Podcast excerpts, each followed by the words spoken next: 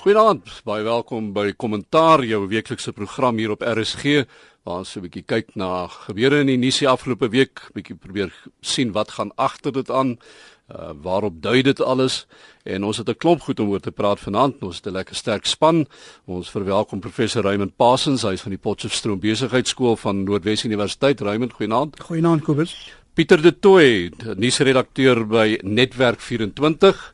Goeienaand. Hallo Kobus en dan professor Antoni van Nieuwkerk, hy is van 'n Witse skool vir regeringskunde. Antoni, goeienaand. Dankie, goeienaand Kobus.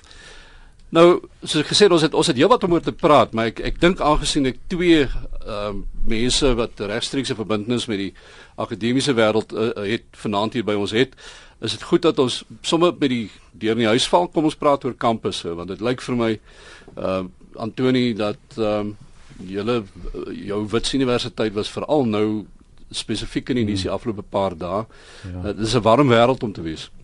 Ja, nee, inderdaad, uh uh die spanning loop hoog, Kobus, want ons sit en wag selfs vanaand om te hoor wat die uitslag is. Uitslag klink soos 'n rugbywedstryd. Hmm. uh van die onderhandelinge tussen die studente uh wat in verskillende faksies na vore getree het en die universiteitsowerhede senior bestuur oor die persentasie uh verhoging van die fooi. Die studente se beginpunt is 0 en Adam 'n goeie beginpunt het ek altyd gevoel. maar en Adam Abib sê uh wel 10 en 'n half. Nee, hy nou dis nou nie meer hy alleen nie. Ons het almal in die media gesien hoe die studente hom bygekom het as ware. Uh so hy sê council dis 'n raad, né? Nee? Mm -hmm. Nie die senaat nie, maar die raad. Dis die hoogste besluitneme besluitnemingsorganisasie of struktuur in die universiteit en hulle het nou almal hulle naweek opgegee om hieroor te kom praat en ek wil vinnig by sê Kobus hoekom dit so belangrik is. Wat vanaand en môre by Wits gebeur wat hierdie naweek by Wits gebeur gaan die toon aangee vir wat in die res van die land in hoër onderwys gaan gebeur. Dis inderdaad 'n draaipunt in die verhouding tussen tussen universiteite en studente aan die een kant en universiteite en die regering aan die ander kant. Hmm. Ons kan praat as jy wil oor hoekom dit nou gebeur het, hoekom nou en hoekom dit die fooi so hoog is, Raymond en dalk 'n ekonomiese perspektief daarop. Maar ek moet vir jou sê dat studente uh vra reg regtens die vraag hoekom so 'n skerp verhoging nie net by Wits nie, maar elders ook uh, in hierdie moeilike ekonomiese klimaat. En ons het keer op keer gesien die media wys 'n onderhoud met 'n jong student wat sê my ma kan nie bekostig om my ehm um, koshuis toe te stuur nie. Ek dink ons ken self daai storie toe hmm. ons jonk was, het ons ook maar gesukkel om daai fooie bymekaar te skraap. Dit kom nie as nuus nie. Die vraag is hoekom die uh hoekom die regering traag is om die nodige ondersteuning en investering te gee aan hoër onderwys op 'n vlak waar die nasionale ontwikkelingsplan sê ons het meer deur uh throughput. Ons het meer studente nodig wat 'n uh, graad vang en dan het ons ook op die nagraadse vlak en op die PhD, die doktorale vlak, baie meer studente nodig wat gedryf moet word om die ekonomie aan die gang te hou en om die samelewing terug as ware. Ja. Dis 'n saak van nasionale belang en ek is bevrees dat dit in 'n krisis ontaard het. Raymond, um, is daar 'n alternatiewe model as 'n mens nou kyk na die finansiering van van tersiêre onderrig?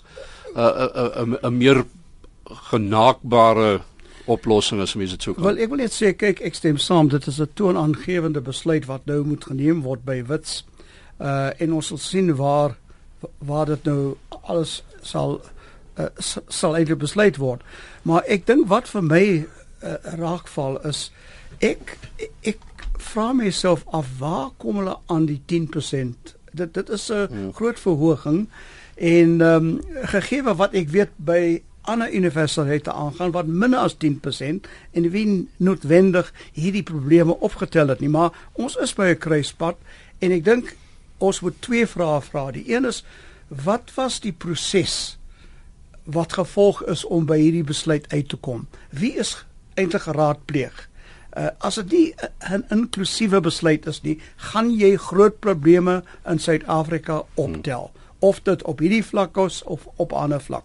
En die tweede is ons sal moet ook uh, as 'n deel van hierdie gesprek kyk na die totale stelsel. Wat is wat is die probleem met die met die finansiering van hoe onderwys? Maar dis ook simptomaties van waar ons ekonomie nou is. Dit is hmm. van alles kom op die lesenaar van die minister van finansies uiteindelik. So ek dink ons sal moet terug staan na die besluite geneem is en kyk en ook kyk na die stelsel van hoe onderwys wat is die beste manier in die toekoms gegee dat die dat die hulpbronne eintlik baie skaars is. Maar die ding wat by my opkom wat ek graag sou wil vra is dat uh, om om 'n bietjie billik te wees teenoor wits ook uh, ek praat nou nie oor die manier waarop hulle dit gedoen het nie, maar dit is ook so dat uh, universiteite soos wits ehm um, ek dink wits in hierdie stadium is die duurste universiteit om bedryf as 'n mens na die syfers gaan kyk. En dit gaan daaroor dat party van hierdie ouens bied sekere vakrigtinge aan wat net heelwat duurder is as ander. As jy 'n mediese skool het, tandheelkunde, groot ingenieursfakulteit, al hierdie goed, dis jou duur fakulteite. En dit moet bitter bitter moeilik wees in hierdie dag en tyd, veral ook, jy weet, as jy nie die regering in die oog wil kyk nie. Uh en jou autonomie wil behou Dit moet bitter moeilik wees om uh, op die ou einde daai knoop deur te hak nê nee, om om daai universiteit uh, aan die gang te hou. En dis nie net wits nie, ons kyk na Tikkies, ons kyk Stellenbosch, Kaapstad, Bloemfontein. Nee, ek stem saam, maar ek dink die groot die groot punt nou is gegeewe die omstandighede in die land. Wat is die kuns van, hmm. van van wat moontlik is? En ek dink mense moet dit noukeurig bestuur. As jy nie 'n sogenaamde backlash wil hê nie. En ek dink ons moet die vrae vir kyk, jy kan nie sommer aankondig ons gaan dit met 10% verhoog en verwag dat almal dit hmm. slaan vaar nie. Hmm. Hulle gaan vra vra, daar da gaan 'n reaksie wees en ek dink ons ons nou ons vra on, ons uitvra is die hele bestuur van hierdie besluite is dit op 'n punt waar jy dit inklusief kan maak en nie so 'n sterk reaksie kan kry wat wat groot groot golwe skep. Hmm. En en en ons moet nou tyd afstaan vir wat eintlik 'n interne besluit is maar nou 'n openbare vraagstuk geword het. Antonie? Ja, kom ek net vinnig by sê oor die backlash ding waarvan Raymond praat. Ons moet nie wat wat ons nou besig om te doen hierso vanaand is. Ons sê ons moet rasioneel optree, nou keurig die modelle ondersoek, die sente tel, die ekonomie oorweeg. Mhm. Kan ek vir jou sê, ek sit by Wits die studente praat met my en ek praat met hulle en hulle vertel vir my van die diep grief wat binne in hulle sit oor transformasie wat vir 20 jaar aangekondig is en nog steeds nie gebeur nie. Die ding wat jy in die luister video sien van Stellenbosch waar studente ongemaklik voel in die in die institusionele kultuur van die universiteit. Adam is nie wit nie, hy's ook nie swart nie, hy's tussenin, maar die studente sê hy werk vir wit baase. Dis die tipe van ding wat ou nou hoor by die universiteit. Daar lê 'n gegriefdheid en 'n en 'n ongemak onder studente wat ons nie maklik gaan bestuur nie. Maar lê dit nie dalk weier ook nie, maar is dit nie net 'n simptoom wat nou op die kampus uitgekom het wat breër in die samelewing ook besig is om te ontwikkel. Ja, ons jy weet as jy dit gooi saam met dit 'n uh, ja. dienslewering en allerlei ander goed nie, dat daar is 'n ja. algemene ja ongelukkigheid oor hoe dinge die afgelope 20 jaar ontwikkel. We, weet jy wat se breë patroon wat ek hierso sien Kobus is ehm um, en Pieter kan ook nou deelneem want hy sit ook baie stil. Ja, ek luister nou, lekker naby aan die mense op die grond. Uh daar's daar's 'n beweging op die grond. Uh dis nou 20 jaar later. Ons het 'n uitgaande generasie van Mandela en uh, Mbeki en uh, noem maar die die ouer generasie, die ooms en die tannies vir wie vir wie baie van ons baie respek het wat die oorgang bewerkstellig het. Nou is daar 'n nuwe inkomende generasie van jong jong swart mense wat die meerderheid is wat die meeste van hulle nie eintlik regtig waar 'n job in die in die o 'n 'n werk kan kry nie. En hulle vra wat is die wat het hierdie mense vir ons beteken? En is dit nie nou tyd vir ons om soos Frans van Non die intellektueel van Wes-Afrika destyds te sê ons is nog nie oor ons koloniale verlede nie. Ons moet dekolonialiseer en ons moet Afrikaan Afrikaniseer Afrikaniseer. Hmm. met ander woorde daar's 'n tweede revolusie nodig. Die eerste een het ons net so gevat en nie verder gebring nie. Dis nou tyd vir die hmm. volgende een. En kan ek vir jou sê soos wat ons leierskap in die regerende party faal om die ekonomie en die samelewing goed te bestuur. So staan hierdie studente op en sê maar ons is lus vir 'n alternatief en ons gee nie om om enigiets te doen want hulle het baie min om hierdie nuwe werklikheid te laat realiseer nie. Daar lê ons volgende probleem. Mense wat min het om te verloor, ehm um, hoef nie daaroor te bekommer nie. Kampusse en universiteite is baie vinnig besig om die groot nuus storie van die jaar te word. Jy weet as jy kyk wat nou vroeër van jaar by UCT gebeur het, hoe uh, die fisiekanselier daar Max Price die studente revolusie hanteer het. Jy weet die die die beelde wat ons gesien het van die Rhodes standbeeld wat afgetrek word, jy weet dit het herinner aan Baghdad waar Saddam Hussein se standbeeld verwyder is, studente wat daarop dans. Jy weet daar's 'n frustrasie onder swart studente wat nie welkom voel op kampus nie, wat op wat op kampusse kom, plekke so Stellenbosch, plekke soos UCT wat 'n spesifieke kultuur het en hulle voel ongemaklik daarso. Is hulle, daar iemand, is daar enige iemand wat julle die by julle die indruk al gelaat het wat dalk 'n antwoord op hierdie ding het en wat wat dalk kan leiding neem om want ek meen aan die op die, aan die politieke front sien ons dit beslis nie. Ek het hierdie week was ek by 'n geleentheid gewees waar ek na drie studente, swart studente, wel twee swart studente en een een wit student van die Universiteit van Stellenbosch geluister het. Ehm um, en nie een van hulle weet daar's daar's 'n klomp kwessies wat bymekaar kom. Op Stellenbosch is dit die taalkwessie wat wat wat wat ook nog ingeklits is daarso. Maar hulle al drie voel ongemaklik in die institusionele kultuur van Stellenbosch. Een van hulle is 'n Afrikaanse student wat sê hy wil nie sy kinders in Afrikaans wat onderrig nie vanweë die geskiedenis wat Afrikaans na die tafel toe bring. Twee swart studente wat sê hulle wou nie Stellenbosch toe gegaan het nie um, maar hulle is so ge uh, uh, gesmoes deur die Universiteit van Stellenbosch en ge, en en beurse aangebied en oortuig om Stellenbosch toe te gaan. En toe hulle daar aankom toe besef hulle maar alles wat vir hulle voor die tyd beloof is dat hulle in hulle taal van dat hulle in Engels onderrig sal word het, het weggeval. Jy weet so ons uh, verlede Sondag is die Reform Pik beweging op, op Potchefstroom begin. Jy weet so hierdie frustrasie onder studente is besig om uit te brei na alle kampusse toe. Ek wil net byvoeg uh, daar is 'n komitee van die fisiekanseliers. Ek dink as deel van die leierskap wat nodig is, hulle sal baie gou by mekaar moet kom. Dis 'n algemene probleem, 'n algemene uitdaging wat ger, wat feitelik verder gaan as die studente voor wat ons nou bespreek ja. het. En ek dink die fisiekanseliers moet dit sien as 'n as 'n kollektiewe uitdaging wat hulle moet aanpak van daar is geen politieke leierskap hier nie maar hulle kan daai um, leierskap nou verskaf. En en en die fisiekanseliers gaan moet kyk hoe ver hulle kan skiet gee. Jy weet, daar's baie mense wat Max Price by UCT gekritiseer het dat hy te veel skiet gegee het. Jy weet, wat staan Adam Abib nou te doen hierso uh, hierso by Wits? Wat staan Dan Gwarie te doen by by by by Potchefstroom? Ja, en wat gaan Wim de Villiers op Stellenbosch doen? Jy weet, hoe, hoe ver gaan hulle gaan uh om studente hulle sin te laat kry terwyl hulle die integriteit van die instelling ook bewaar? En dit is ook op die einde balans balanseer toertjie want uh, laat ons ook nie vergeet nie dat daar is 'n groep studente wat uh in hierdie stadium voel dit asof hulle nou die hele die hele tyd onder die druk geplaas word. Ek praat nou van die Afrikaanssprekende ouens. Ehm uh, en erns moet daar 'n balans uitgeoefen word om almal se regte te kan Maar dit is die ding wat Antonie net nou gesê het, jy weet hierdie is waarskynlik 'n simptome nê van wat in die breër samelewing aangaan. Ehm um, hmm. daar is 'n gevoel dat die land het nou 21 jaar nog nie getransformeer soos hy moes nie en dat die magshebbers uh, wat oorgeneem het in 94 ehm um, het nie genoeg gedoen om voorheen benadeelde mense of mense wat op die periferie geleef het in te bring sodat hulle betekenisvol kan deelneem aan aan die Max het gesê dit was miskien te maklik. Dis ja. dis ons grootste probleem. Ons het nie 'n burgeroorlog gehad nie. Ja, so ons ja, het ingewals in hierdie hele ding in en toe het baie mense vir hulle agter hulle mure gaan verskans. Maar ek ek wil net byvoeg kyk, daar sal 'n nuwe balans geskep moet word. Hmm. Maar wat ook belangrik is, daar's 'n nuwe normaal wat ons moet bestuur. Hmm. Wat is daai nuwe normaal? En ons moet dit gou en dringend aanspreek. Ek ek hou daarvan Kobus as ek vinnig kan bysê. Ehm um, laat ek dit nou maar sê, ek dink die studente het die fisiekanseliers uitgevang. Hulle was in die slaap. Die broek was op die voete. Hoe sê mense nou mooi? Om die enkels. Om die enkels. Dis reg. Kan jy jou voorstel? Lag die hele ateljee nou. Kan jy jou voorstel Adam vlieg terug van Durban waar hulle 'n beraad bywoon hoe om die saak op te los uh. en hy kom sit hier aan die voete van die studente of andersom die studente sê sit hier by ons aan die voete sodat ons vir jou vertel. So wat ek probeer sê is waar is die leierskap? Dit is 'n dramatiese ding om te sê die studente gee die leierskap aan op die oomblik.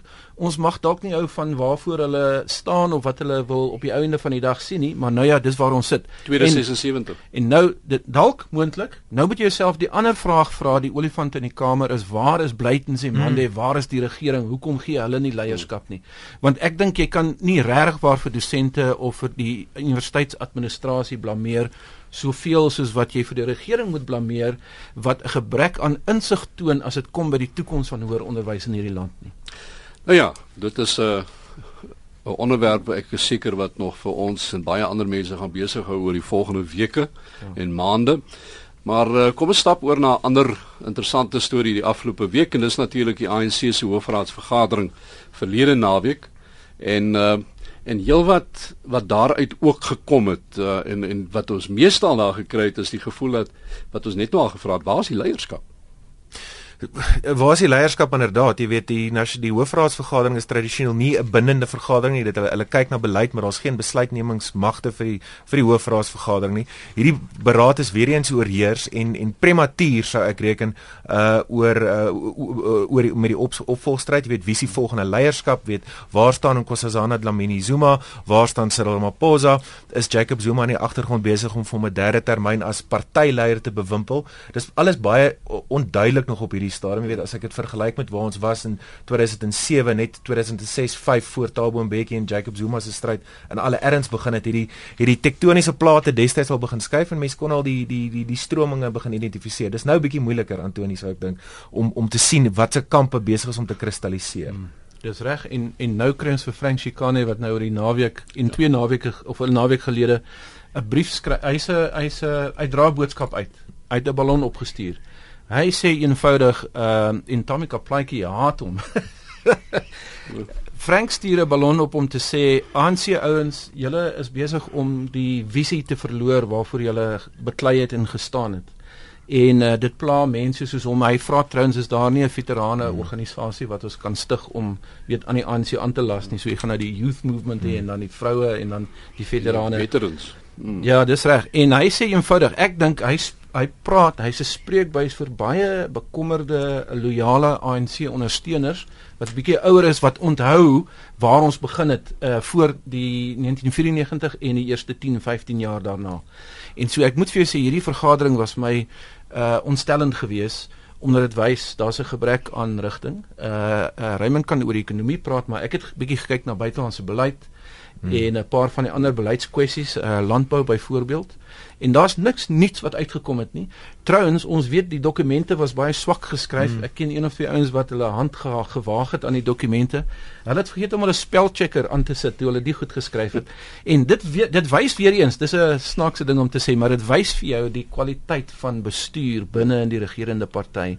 Hulle is besig om 'n bietjie uh uh, hulle te opdraande stryd. Hmm.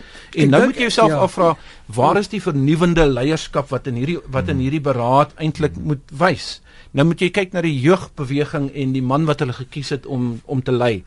39.5, hy's amper 40 jaar oud nou ja, hoe hoe jonk kan jy wees om 'n jeugleier te wees? So dit is dis kommer kommer kommerwekkend. Ek wou net byvoeg uit 'n ekonomiese perspektief. Daar was daar ook probleme dat daar was teenstrydige boodskappe uit hierdie vergadering wat nie hulpsaam was nie. Ehm um, daaroor landbouhervorming uh die hele kwessie van kommunikasie uh toe wil ons ook sien dat daar 'n 'n nasionale gesondheidsplan, 'n maatskaplike veiligheidsnette en ook natuurlik kernkrag alles word gevra van die minister van finansies. Sekerlik volgende week sal hy vir ons sê wat wat is die En hy gaan, hy gaan waarskynlik sê daar is nie geld. Wel presies, nee. maar ons moet daai boodskappe versuiwer sodat die mense in die private sektor weet waar hulle staan oor die toekoms. En wat ek die, die indruk wat ek gekry het was daar was 'n daar was nie 'n samehangigheid oor die toekoms nie. Daar was verwysings na natuurlik na die nasionale ontwikkelingsprogram, vrae gevra, waarom is dit nie geïmplementeer nie? Ons vra dit almal. Maar daar was hele kom hele kom dinge wat teenstrydig was en ek daai boodskap het die vlak van onsekerheid maar net op dieselfde vlak gehou.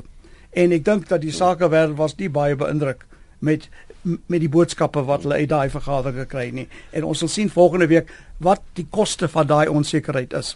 Van die van die onderwerpe wat daar te voorskyn gekom het, van die goed waaroor mense bekommerd is, uh, wat Frank Chikani trouens ook na verwys het, is uh, daar's 'n paar gevalle, ek dink ons kan miskien net uh, na enkeles van hulle kyk. Uh, een is uh, John Block. Hmm en wat nou met hom gebeur het, maar ja. na 'n 'n lang periode waar hy absoluut beskerm is deur sy eie party. Nou, wat wat interessant, weet en Antonie dit nou gesê daar was geen vernuwende denke werklik waar in hierdie beleidsdokument nie daar het ook niks werkliks niets uitgekom behalwe bevestiging dikwels van vroeëre standpunte. En nou een van die goed wat Gordie Montashe gesê het is daar is 'n besef dat korrupsie en die persepsies rondom korrupsie is besig om die ANC te kos en hulle moet iets daadwerklik daaraan doen. Nou a hulle praat van die persepsie met ander woorde is hulle PR probleem daar's nie hulle het nie erns met die kern van die probleem nie Toe Montashe glo op die op een van die kommissie se vergaderings gedruk daarvoor dat die integriteitskommissie ehm um, meer uitvoerende magte kry met ander woorde dat hy kan optree. Ehm um, en daar was baie teenkanting geweest en Godi Montashe moes op die einde die aftog blaas. En 'n week na die hoofraadsvergadering word John Block, wat die LER vir finansies in die Noord-Kaap is, wat die provinsiale voorsitter is, word hy skuldig bevind aan korrupsie en geldwasery. Die ANC het 24 uur gevat om 'n verklaring uit te reik. Toe sê hulle hulle sal eers kommentaar lewer na na na die vonnisoplegging. Nou dit is heeltemal teen die gees in van wat Mantashe gesê het, dis teen die gees in van wat die beleidsdokument oor korrupsie gesê het. So die ANC is huiwerig en hy sukkel om sigbaar en daadwerklik teen korrupsie op te tree. Blok is raad van die saak 'n lid van die nasionale uitvoerende komitee, 'n invloedryke man, invloedryke ou in die Noord-Kaap. Maar hoekom het die ANC nie dadelik as hulle ernstig is daaroor is hom in die openbaar gesê, weet ons het ons ons neem 'n standpunt hieroor in en jy moet ongelukkig jou pos ontruim. Hulle het gewag totdat hy op sy swaard geval het. Hy's gestoot waarskynlik, jy weet hy's waarskynlik binne die party uitgedruk, maar daar moes 'n baie meer sigbare optrede teen hom gewees het as ons die ANC moet glo dat hy ernstig is oor korrupsie. Maar dan het ons ook hierdie week gesien. Ja, ons jy nou verwys na John Block uit invloed en hy so half met handskoene gehanteer die hele tyd. Ons het ook gesien hoe wreed daar opgetree kan word wanneer jy nie daardie tipe invloed het nie en ek verwys spesifiek na die kommissaris van polisie of die voormalige kommissaris van polisie Ria Piega. Ehm um, wat in die parlement sit saam met haar ja. opvolger ja wat toe al moes geweet het wat met haar handsak oor die stoel hierdie ja. ons verslaggewer in die komitee sê jy weet sy het 'n boodskap iemand 'n hmm. assistent het met 'n selfoon na toe gekom en gesê hoor ek lees net hierdie SMS en die SMS, SMS gelees sê jy moet nou gaan. En en die handsak het daar gebly iemand het dit toe later kom haal weet in die in die in die waarnemende polisiekommissaris het 'n paar sitplekke agter haar gesit. So dit was wreed maar ek dink daar's bitter min mense wat hulle self nie amper verlekker het in in in in in in, in, in hoe dit uitgespeel het nie. Ehm um, daar het ook sedertdien het dit uh, is is dit onthul dat Piega het op uh, provinsiale provinsiale polisiekommissarisse gedwing om 'n verklaring te onderteken wat haar ondersteun. Jy weet, so mm. nog 'n voorbeeld van 'n uh, persoon in 'n leiersposisie wat nie bekwame is daarvoor nie. En hoeveel skade moes ons ly terwyl sy in daai posisie is? Ehm um, terwyl sy duidelik onbekwame is daarvoor. Maar, maar dit sê ook nie baie van hulle wat Nee, toegegee het nie, nee, nee wat wat wat nee, uh, wat nie besef wat hulle posisie is nie. Heeltyd krisisbestuur. Die ander geval is natuurlik 'n uh, bietjie nader aan die huis hierso by ons en dit is die uh, bedryfshoof van die SAIK Slaudie Motsoneng wat toe nou ehm um, weer eens nie geskort is nie. Hy uh, hy skielik met verlof Nou dit lyk asof weet eh, daar is hy is onder hy is dit lyk asof hy onder toenemende druk van bo gaan wees uh, want sy beskerm vrou Faith Mutambi die minister van kommunikasie is duidelik op pad uit Jackson Mthembu die voorsitter van die portefeulje komitee oor kommunikasie het haar skerp gekritiseer um, en dit en die kritiek was rondom die uh, uh, uh, digitalisering van die uh, uitsaai uh, uitsaai uitsaai uitsaai um, uitsaai weet die digitalisering ja. daarvan jy weet ja. daar's nog geld betrokke daar's groot tenders betrokke ja. uh, dekodeerders gaan uitgedeel uitgedeel word aan mense wat dit nie kan bekostig nie. Jy weet, so daar's groot geld betrokke. Uh is weer eens 'n minister wat waarskynlik in 'n pos ingesit is uh as 'n proxy vir iemand anders. Um en nou is slaa die uh, slaa die geskort en ek sê hy wil hê die die tug saak moet op regstreekse TV uitgesaai word wat so, maar, jy, wat vir goeie kykstof sou. Vir my is die probleem dat daar's te veel instansies waar hier hier hele etiekkode nie van toepassing is nie. Jy probeer om die ding uit te stoot vir vir so lank as moontlik. Alhoewel dit duidelik is dat daar sekere stappe jy moet neem vroegtydig. Uh en, en en jy kan dit sien in sekere ander lande, mense bedank onmiddellik of of hulle sê ek staan op een kant, maar hier lyk vir my word dit uitgerek, dit moet na die howe toe gaan en dan moet 'n openbare debat wees voor jy doen wat jy oorspronklik moes gedoen het en ek dink dit is 'n deel van die kultuur van ons openbare lewe wat ons nog moet regsit. Hoekom word dit nou 'n kwessie binne die ANC leierskap as mense nou kyk wat nou die afgelope week gesê is deur sommige van die ouens. Hulle is 20 jaar aan bewind. Um in die 20 jaar wat hulle daar was, was dit nog nooit iets wat by hulle groot vergaderings so goed regtig uh opgekom het nie. Uh mense klou aan posisies totdat hulle net nie meer kan nie of tot hulle hulle voete onder hulle uitgeklap word. Uh maar daar's nie 'n eervolle manier van jy weet met waardigheid uittree want ek het nou oortree en ek gaan nou gaan nie. Ek ek klou vas in daai mag. Mm. Koos as as jou vraag is hoekom hierdie goed nou besig is om te gebeur. Mm. Uh jy weet die die politiek in Suid-Afrika is is rof. Uh is 'n post-apartheid uh, era waarin wat ons beleef en daar's 'n ongemaklike oorgang na 'n vorm van demokrasie en stabiliteit wat ons nog nie heeltemal duidelik sien nie. As as ek en jy of ons nou op die paneel vir ons kinders moet verduidelik maar waarna toe is ons op pad? Dan ons dis 'n bietjie van 'n melkerige verskynsel wat ons moet verduidelik is nie maklik nie. So die ANC speel in hierdie konteks en as jy nie meer 'n constituency of 'n gevolg het of 'n magsblok het nie uh soos dat blok vir ons gewys het dan is jy uit. Uh ek is verstom en verbaas oor Claudie. En Mothambi uh, in Mutambi. In Mutambi, dis reg. Ja. So ek is verbaas oor waar lê sy magsbasis. Uh hy het mense wat hom beskerm het tot dusver. Dis dis ongelooflik dat jy moet so ou sit, maar nou ja. Hier hier en ek dink wat aan die gang is, Kobus, is dat uh daar's 'n verkiesing op hande volgende jaar, die plaaslike uh, regeringsverkiesing. Die ANC is desperaat besig om skoon te maak want hulle weet as jy gaan kyk na die statistieke dat daar 'n groot kans is dat hulle van die metros kan verloor. En die laaste ding wat hulle wil doen is mag oorgee aan die DA of 'n kombinasie van oppositiepartye in verskillende dele van die land, want dit lei op sy beurt weer na 'n paar jaar later waar Zuma se opvolger, wie dit ook al gaan wees, gaan sit met die groot nasionale vraagstuk, gaan die ANC genoeg steun kry om om op sy eie voort te te bestuur. Nou gepraat van Zuma se opvolger, ehm um, daar's 'n paar verkiesings op hande in uh, ander lande noord van ons. Ja. Uh en daar's 'n paar interessante goed wat daar ter, ter sprake kom wat vir ons 'n les ook behoort in te hou. Uh wat jy miskien na net kan kyk uh Antoni want on, ek ons praat nou hier van die DRK waar meneer Zuma op die oomblik is dink ek.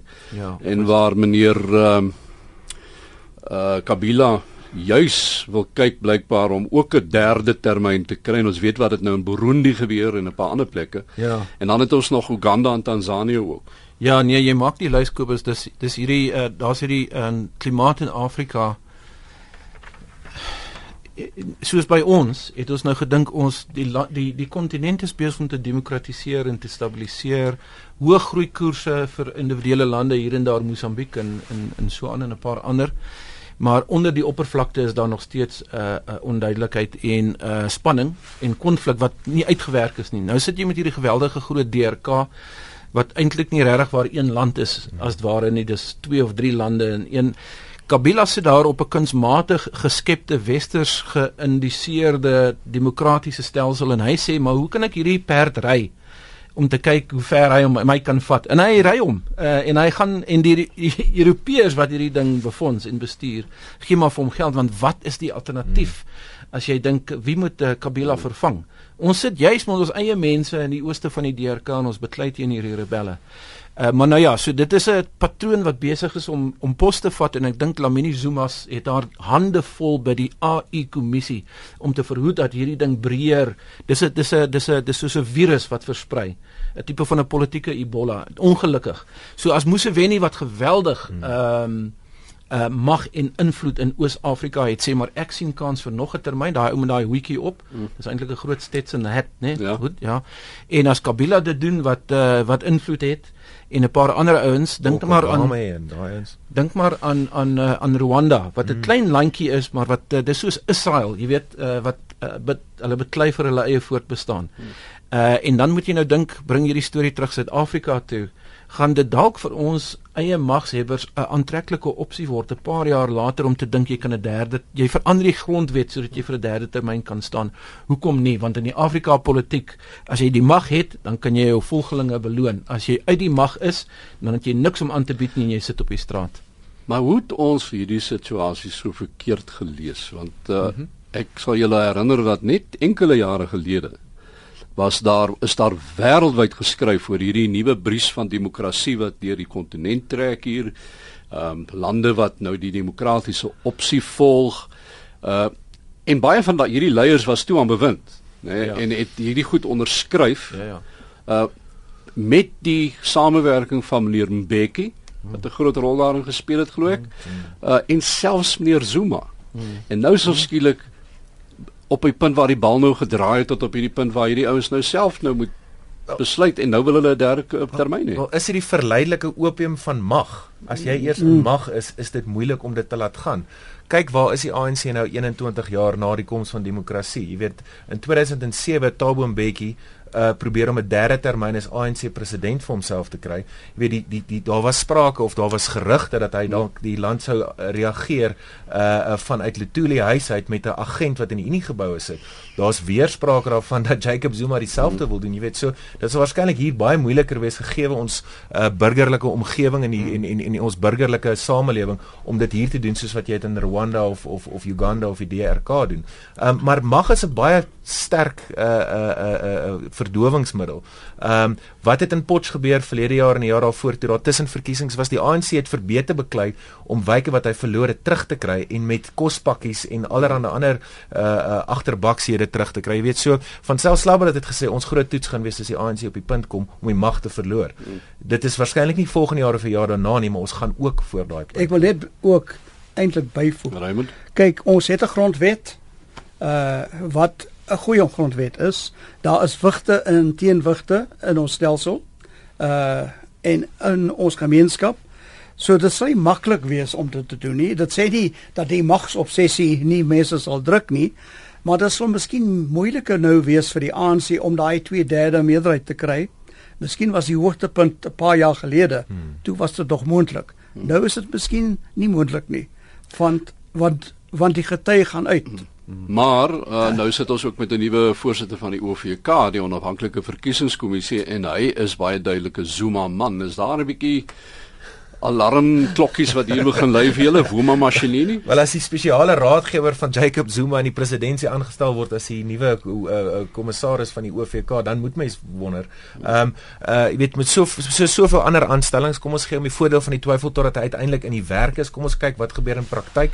Die OVK is een van ons weet saam met die departement of die tesourie en saam met 'n uh, uh, saam met 'n klomp ander instellings een van ons uh, uh, helder ligte wat in wat in ons land skyn. En ek dink um, een van die ander helder ligte is ons regstelsel. Moet dit nie onderskat ja. nie. Dit is nou 'n baie belangrike waarborg van sekere regte en hoe dinge moet gedoen word.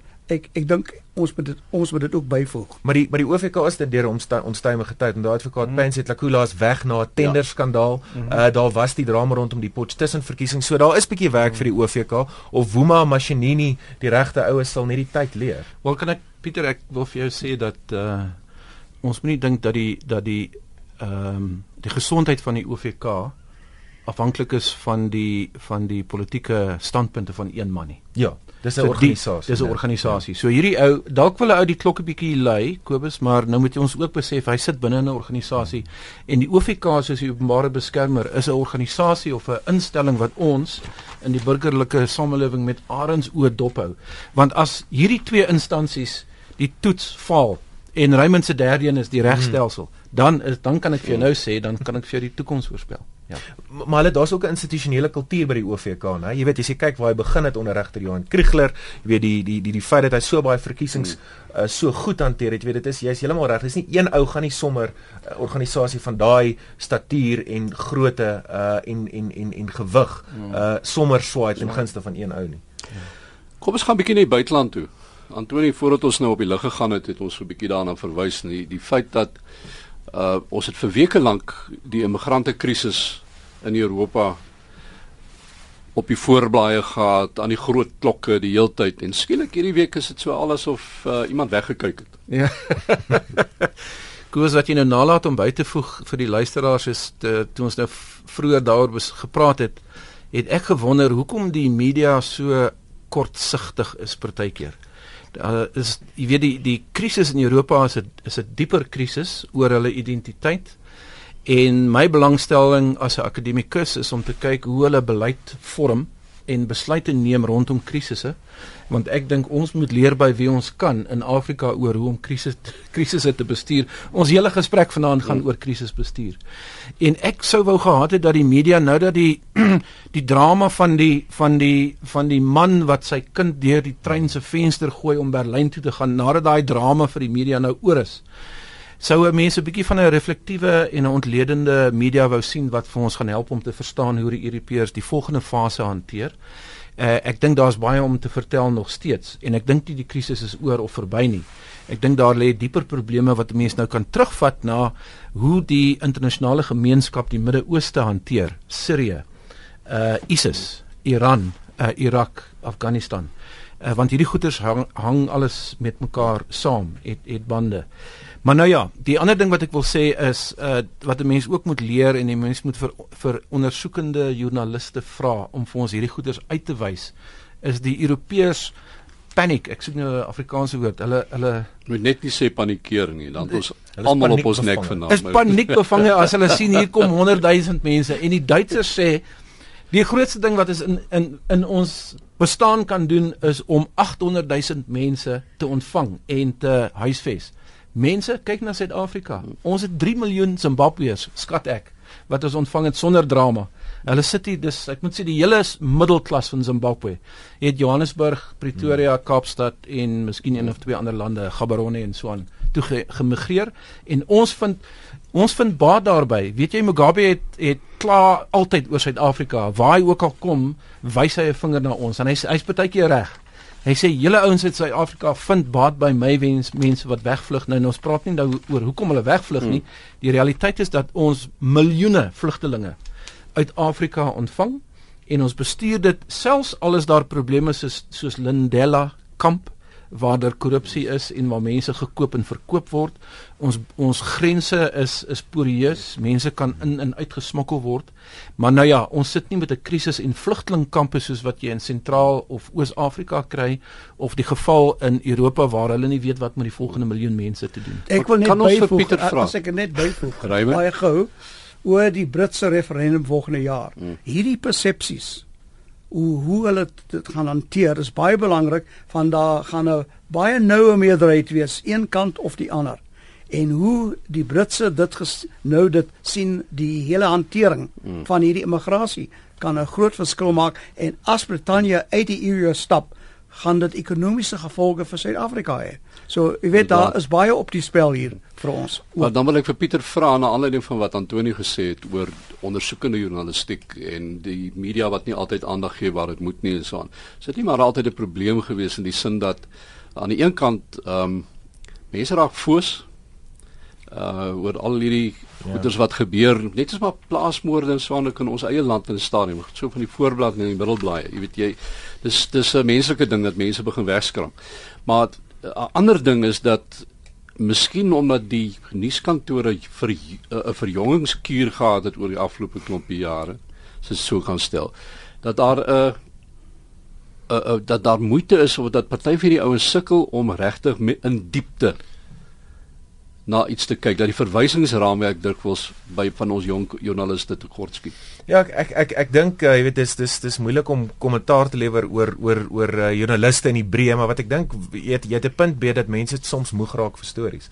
Ehm um, ek dink in die eerste week tot 10 dae van die immigrante krisis in Europa het alle Suid-Afrikaanse media soveel as moontlik, sover as wat hulle kon, aandag gegee aan hierdie kwessie. En een van die dieptegoed wat aangeraak is, Antoni, is hoe tot hoe mate 'n land soos Duitsland byvoorbeeld nodig het om immigrante uh, te huisves omdat hulle hulle die die eh, die, die hulle, hulle hulle word al hoe jonger, hulle word of hulle word eintlik al hoe ouer. Met ander woorde, hulle vul nie hulle bevolking aan nie, so hulle het kundige en gekwalifiseerde immigrante nodig. Jy weet, so daai kwessies is bespreek, maar die nuus siklus is ook van so aard Kobus dat wanneer 'n uh, situasie soos hierdie ehm um, afskaal, ehm um, dan beweeg die siklus baie vinnig aan. So die hy's absoluut op sy hoogtepunt gewees daartoe die pa sy kind deur die trein se venster aangegee het net om 'n beter lewe vir sy kind te verseker. Weet dit is iets wat mense raak, mense kan identifiseer daarmee. En daar's baie raakpunte natuurlik met nou wat nou by die universiteite aangaan. Dit's kinders, uh, ouers wat vir hulle kinders 'n beter lewe wil gee. Daar's geld, daar's frustrasies en hulle gee uh, weet hulle hulle wend hulle self tot sommige kere geweld en uh, uh, ekonomiese immigrasie soos Dellen Zille gesê het Oos-Kaap na Wes-Kaap toe. Maar die siklus beweeg baie vinnig. Um, en ek dink mense, jy weet, uh, mense uh, jou jou luisteraars, lesers en kykers sê baie vinnig vir jou, weet ons is nou moeg vir die kwessie. Hou tabs daarop, maar ons uh, ons wil hê julle moet aanbeweeg. Kan ek vir Pieter dan nou vra met die tong in my kies, uh, as jy 'n Afrikaanse luisteraar is en jy stel belang in die dieper storie agter die week se storie, waar gaan jy heen? Gaan dan netwerk 24 Ja, dit is 'n gratis advertensie. Nee, kyk kyk Antonie, ek dink ek dink dit is baie belangrik.